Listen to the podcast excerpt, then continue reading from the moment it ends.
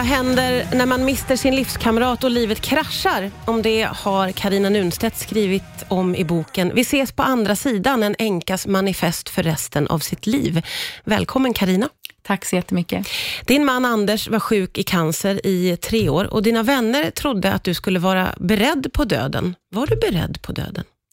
Nej, jag kände inte att jag kunde vara förberedd. Det var hela tiden så att vi såg det halmstrå av hopp som, som fanns. Anders var en väldigt eh, eh, optimistisk person och när man står vid sidan om så vill man ju också såklart att det ska gå bra, även om läkarna säger att nu är det väldigt, väldigt mörkt. Så. Mm. Eh, den här boken den inleds med en väldigt drabbande beskrivning av dygnet då Anders dör. Och Det som slår mig, och säkert många andra eh, som har haft en närstående som går bort, det är att man eh, överhopas av praktiska saker som ska mm. göras. Mm. Eh, kommer du ihåg om du tyckte att det var eh, ännu mer jobbigt, eller om det var skönt att fokusera på något annat? Alltså framförallt så kanske jag fick ut en hel del ilska på begravningsbyråmötena och på olika saker som man behövde komma ihåg. En gång hade vi tydligen glömt strumporna som Anders skulle ha i kistan och man bara liksom, men ah, hur kan det vara, vara viktigt nu? Och, och, nej, det, var, det var framförallt jobbigt och, ja. och, och stressande. Eh, det kanske var bra också för oss, eh, mig och barnen, att ha något praktiskt så. Men, men det kommer ju så snabbt. Man måste ja. liksom börja ta massa beslut så himla fort. Och, ja. och papper och brev väller in från olika liksom banker och, och försäkringar. Och så det, det, det är väldigt snurrigt. Ja, ja, snurrigt och man hamnar ju i en svår situation. För rent ekonomiskt så händer det ju saker med den som har gått ja. bort. Konton och bank-id. Allt ställs allt på sin spets och det stängs ner innan då bouppteckningen är är eh, klar och godkänd, så kommer man inte åt eh, sin mans, eh, i det här fallet då, konto. Även om vi hade varit tillsammans i 26 år och gifta i 24 år, mm. så ja, det, var, det, var, det var rörigt och det var jobbigt och det var ja, Väldigt märkligt säkert. Ja, och sen mitt i alltihop så går det ju bara runt och liksom gråter och försöker fatta vad det är som har hänt. Mm. Anders hade en mapp på datorn som hette Om allt skiter sig. Vad var mm. det för mapp?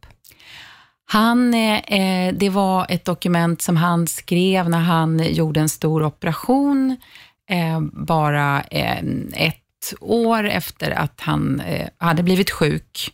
Så, fick han, eh, så spred sig cancern till magen. Han fick göra en jättestor operation och då var det eh, ja, liksom kritiskt. Det hade i värsta fall kunnat gå riktigt illa redan då. Så då, då skrev han ner det som han kände var viktigt i form av eh, musik på begravningen och ja, lite grann som det här vita arkivet som mm. han pratar om, fast han gjorde sin egen lilla fil. Det var ju väldigt bra. Jag hade glömt bort att han hade skrivit det där, så att sen när han då dog eh, nästan två år senare så ja, kom jag på det och då blev det ändå väldigt skönt mitt i allt att, att eh, kunna fatta vissa beslut med stöd av det som han hade önskat. Ja, det blev hjälpsamt för mm, dig i den absolut. processen ändå. Ja. Idag gästas jag av Karina Nunstedt som har skrivit boken Vi ses på andra sidan.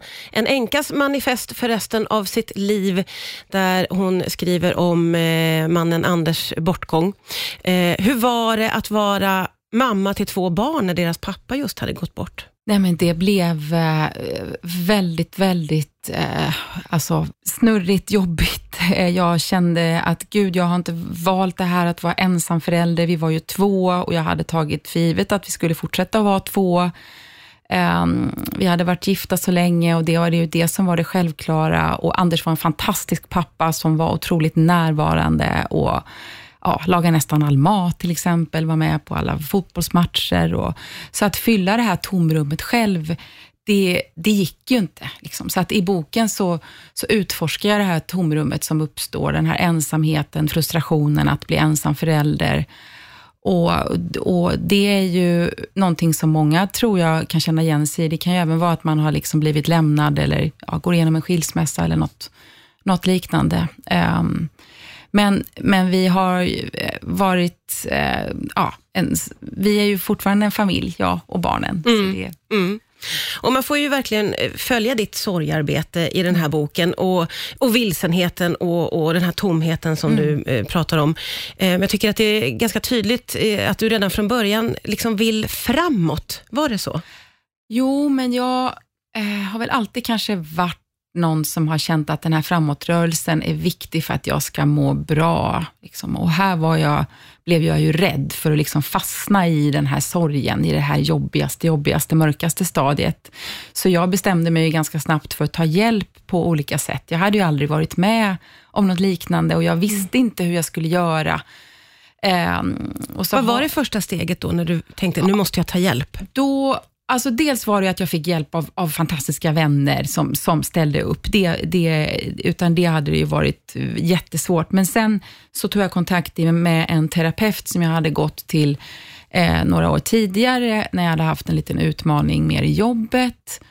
Och eh, han hjälpte mig just eh, med det här att titta på min egen sorg. Jag var väldigt fokuserad på barnen, vilket jag tror är helt naturligt, att mm. man tänker, hur mår barnen, hur mår barnen mm. som har förlorat sin, sin pappa och hur kan jag stå där bredvid dem och eh, finnas där för dem när de behöver det. Mm. Det gjorde ju att jag parkerade min egen sorg länge och den här terapeuten kunde liksom hjälpa mig att eh, våga gå in i de där mörkaste känslorna, känna att jag överlevde ja, våga utforska det här tomrummet. Du har ju också varit väldigt transparent på sociala medier med vad du går igenom. Vad har det, hur har det hjälpt dig? Jag bestämde mig för att skriva den 16 varje månad. Anders gick bort den 16 juni 2021. Så det blev en slags liksom, rytm i det. Jag har ju inte delat allt, men det kändes eh, fint att dela liksom vardagsögonblick just från den här tomheten, den här nya tillvaron och samtidigt eh, fortfarande minnas Anders. Och det var många av hans vänner och andra som, som var väldigt glada över det. Liksom. Mm. Alltså livet går ju vidare och ska göra det, men det för mig som, som alltid har skrivit på olika sätt så blev det naturligt att eh, ja, Eh, ägna i alla fall eh, ett inlägg i månaden lite längre. Och det var, sen var det det, när jag formulerade mig då, så blev det som att jag skrev på ett helt annat sätt och det var det eh, tillsammans med allt som jag skrev för, för min egen del, som sen låg till grund för den här boken. Ja, det är Karina Nunstedt som gästar mig idag, har skrivit boken Vi ses på andra sidan. Och, eh, ja, men vi pratade ju om innan här att du valde att söka hjälp på, genom terapi, men på många olika sätt. Du ja. har ju sökt dig eh, till både det ena och det andra hållet. Hur mm. kommer det sig att du eh, gläntar på alla de här dörrarna i sorgeprocessen? Jag har nog alltid varit en sökande person eh, och, och, öppen för mycket, läst mycket böcker och, och det, var, det var någonting som bara kändes nödvändigt att, eh, att ta hjälp på många olika sätt, så att skapa nästan som ett team. Så det var allt från att jag styrketränade och byggde liksom en slags fysisk styrka, till att jag skaffade en amerikansk eh, manifestationscoach som hjälpte mig att eh, manifestera mitt nya liv som, hur, hur, går det till när man träffar en amerikansk ja, manifestation? Man har Zoom-möten och så gör man ett eh, slags program där man liksom blir bättre på att affirmera, inte bara tänka de svarta tankarna, utan eh, tänka i form av att eh, saker och ting som man önskar sig redan har hänt. Så, så ja, det är liksom ja. en slags eh, eh, ja, mental träning, kan man, kan man säga. Ja.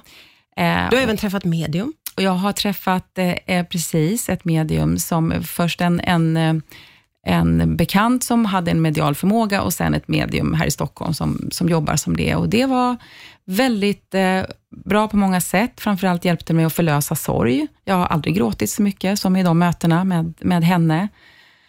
Och Sen eh, var det väldigt eh, trösterikt. Sen handlar det ju om vad man tror på. Mm. Eh, och och eh, för mig kände, jag kunde känna Anders närvaro och det var väldigt trösterikt på många sätt. Och, ja, jag valde också, jag frågade henne om jag fick spela in de här samtalen, för att jag tänkte jag, jag måste liksom kunna gå tillbaka till det här. Och, och, ja, så att hon, jag har frågat henne om jag fick eh, dela det, och så att i boken är det liksom i stort mm. sett exakt så det var. Mm. Men du har ju känt eh, Anders närvaro även i att skriva boken, eller hur? Ja, eh, det kändes absolut som att det här var något vi gjorde tillsammans, tillsammans och det kanske låter konstigt, men jag tror att de som har förlorat det nära kan ju många känna igen sig i att man känner någon slags närvaro när man ser på bilder och, och sådär.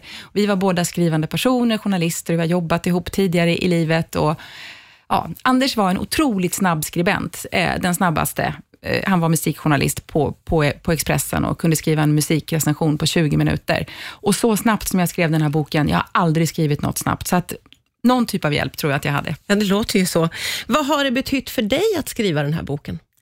Ja, men det har varit eh, väldigt helande på många sätt och stärkande, tror jag, att pussla ihop de här känslorna som annars hade liksom riskerat att eh, fastna inom mig. Och sen nu också känna att jag kan eh, möjligen hjälpa andra på något sätt. Jag är ju ingen expert eller så, men det att jag har satt ord på stor sorg, eh, då har jag mött läsare som har sagt att jag har hjälpt dem att sätta ord på deras sorg. För mm. det, vi är ju ganska lika vi, vi människor. Mm. Och då är, ja, så det, är, det är många som nu skriver till mig och säger att ja, det känns som om du, du beskriver min historia. Så, mm. och det, då blir jag ju väldigt, väldigt eh, rörd och, och då känns det som att det är någon, ja, någon mening kanske med allting. Den är väldigt fint skriven och det är väldigt mycket igenkänning. Den heter Vi ses på andra sidan, en enkas manifest för resten av sitt liv. Tack så jättemycket Karina Nunstedt.